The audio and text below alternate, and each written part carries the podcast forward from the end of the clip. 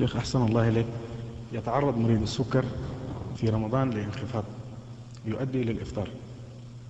فأحيانا يستمر معه أسبوعا أو أكثر هذا الانخفاض. فهل في حقه القضاء أم الإطعام؟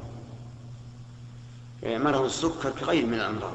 إذا كان دائما مستمرا مع الإنسان ولا ولا يستطيع الصوم فإنه يطعم عن كل يوم مسكينا. كالكبير الذي يعجل عن الصوم وإن كان في فترات فمتى قدر على الصوم صام ومتى لم يقدر أفطر في رمضان ثم قضاه بعد بعد ذلك. يعني هو بالخيار. الأخير إذا يقضي. يعني هو بالخيار يعني. إذا رأى من نفسه مثلا هذا الانقطاع لا ليس بالخيار. لكن هذا المرض هل هو دائم معه؟ مزمن نعم. دائم معه. نعم. ما يستطيع يصوم.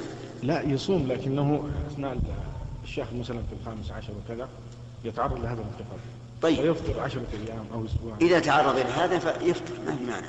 ثم يقضي بعد ذلك. لا القضاء في حقه. أحيانا يتعرض يعني لحالات انخفاض مستمرة أو يحصل. على كل حال مثلا كما قلت إذا كان مستمرا فإنه يطعم عن كل يوم مسكين. وإذا كان أحيانا وأحيانا ففي الحالة التي يكون فيها معتدلا يصوم وفي الحالة التي يكون فيها منخفضا يفطر.